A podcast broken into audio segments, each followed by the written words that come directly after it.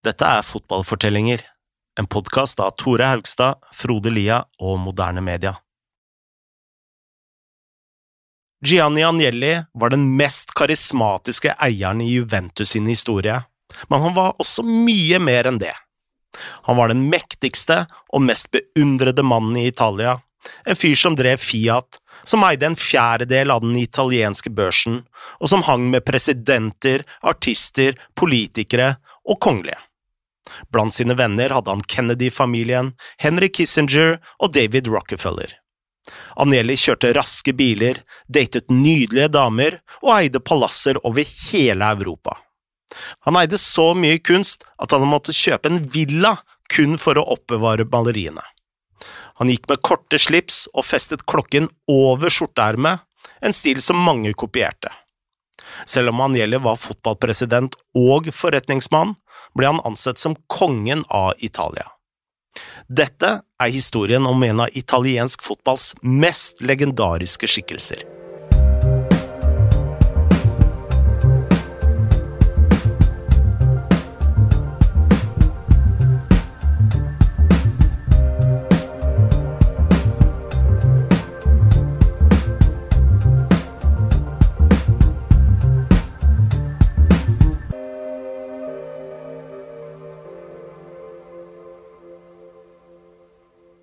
Gianni Agnellis kjærlighetshistorie med Juventus begynte allerede da han var liten gutt.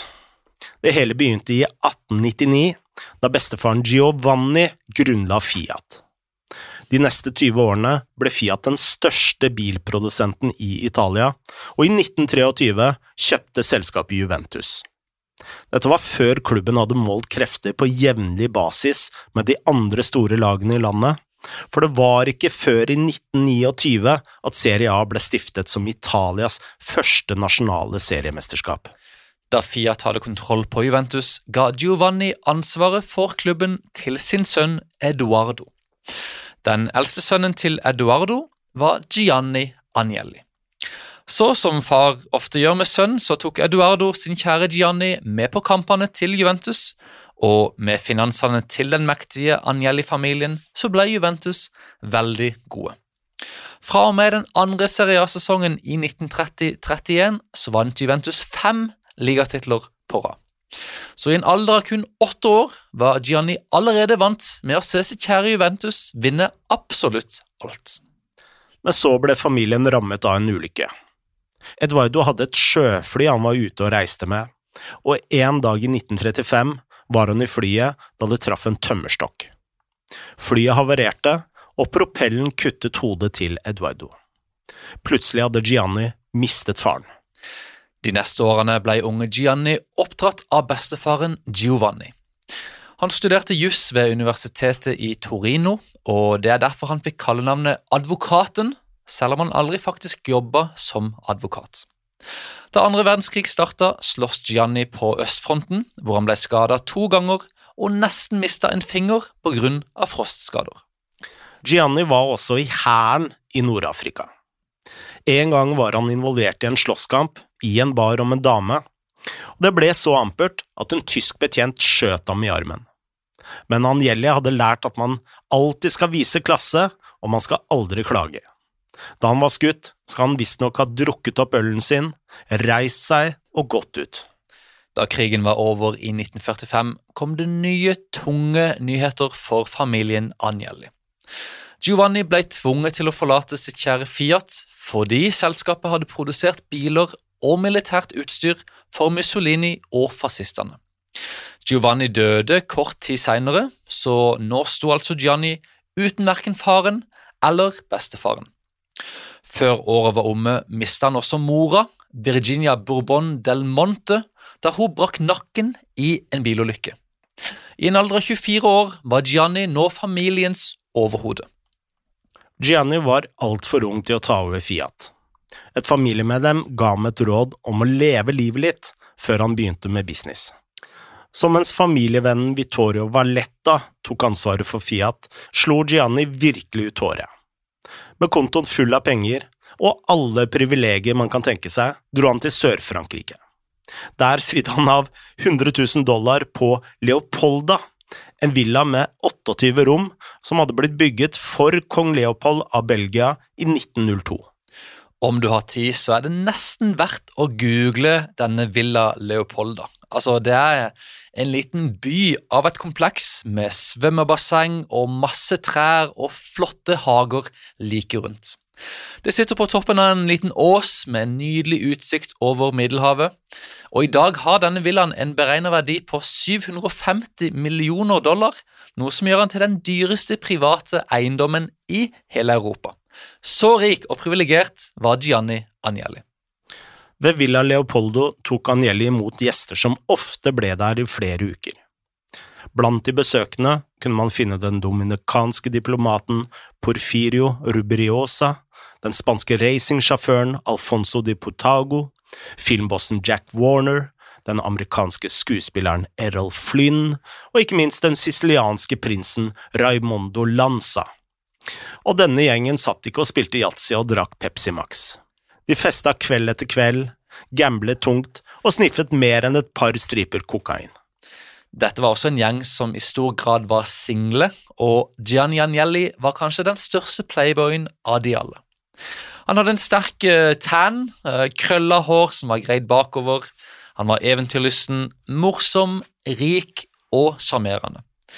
Han data andre Anita Ekberg, klesdesigneren Jackie Rogers og Pamela Harriman, altså den skilte svigerdattera til selveste Winston Churchill. Agnelli tok damene med på kjøreturer i sine Ferrarier. En av disse bilene hadde tre seter foran, og en annen hadde skiltnummeret 1. Hvis de ble lei av å kjøre, tok Agnelli dem med på sin svarte yacht eller sin røde seilbåt, som han styrte rundt på den franske rivieraen mens han kun hadde et håndkle rundt seg. Jeg elsket virkelig alt som var vakkert med livet, sa Anjeli, og en nydelig dame var det vakreste av alt. Det er ikke godt å vite hvordan han fikk tid til alt dette, men mens Anjeli holdt denne livsstilen gående, så var han også president for Juventus. Han holdt denne tittelen mellom 1947 og 1953, og dette var faktisk den eneste perioden hvor han skulle ha en eksekutiv, offisiell rolle i klubben. Juventus vant eh, to ligatitler med han som president, som jo er ganske lite til de å være i en sånn periode. Og mens det er vanskelig å si hvor mye tid Anjeli brukte på sine oppgaver i klubben, så kan vi trygt si at han brukte tid på veldig mye annet. Anjeli hadde en appetitt for livet som var helt enorm. Omtrent det eneste han var redd for, var å kjede seg. Han elska for eksempel Cresta-løpet i St. Moritz i Sveits, og deltakerne la seg ned på en liten bobslede med hodet først, og så satte utfor en isete bane hvor de nådde en fart på langt over 100 km i timen. Han satte også utfor skiløyper i enorm fart, og overlevde en rekke ulykker. Denne kjærligheten for fart og spenning fulgte Anjelli også som bilsjåfør. Han kjørte som et råskinn, selv om han var i midten av tjukkeste Torino, og Henry Kissinger, som både var Agnellis venn og passasjer, kalte disse turene en hårreisende erfaring. Vanlige folk hadde sikkert fått både bøter og ti kasjotten, men Agnelli var hele Italias prins, og politibetjenter som så han bryte fartsgrenser og kjøre på røde lys, de bare smilte og vinka. Det var likevel en gang at noen betjenter faktisk stoppa Anjelli i bilen. Da han rulla ned vinduet, så sa de til han, Advokat, er du virkelig nødt til å kjøre Ferrarien din på gatene våre? Tror du virkelig ikke at vi kommer til å stoppe deg? Vi har jo lyst til å sjekke ut hvilken modell du kjører i dag. Men selv ikke Anjelli var immun mot alvorlige ulykker. En natt i 1952 hadde han vært på fest i Monte Carlo da han kjørte bil i 200 km i timen. Plutselig mista han kontrollen og krasja inn i baksiden av en trailer som frakta kjøtt. Han brakk høyrebeinet syv steder måtte tilbringe ni måneder i en sykeseng og knaska smertestillende tabletter i flere år. Denne ulykka så ut til å dra Agnelli ut av denne ville, unge livsstilen. Plutselig så det ut som han ble voksen. Året etter ulykka gifta han seg med Marella Caracciolo di Castagneto, en italiensk adelskvinne, og til vielsen så stilte Agnelli i dress og krykker.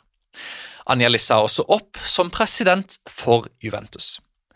Nå var målet å gjøre det som på mange måter var skjebnen hans som familiens overhode, nemlig å ta over som sjef for Fiat.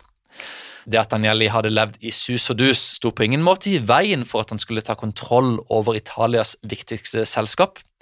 Han hadde vært en playboy da han var ung, sa journalisten Gianni Riotta, men ingen ekte italiener lot seg forferde av akkurat det.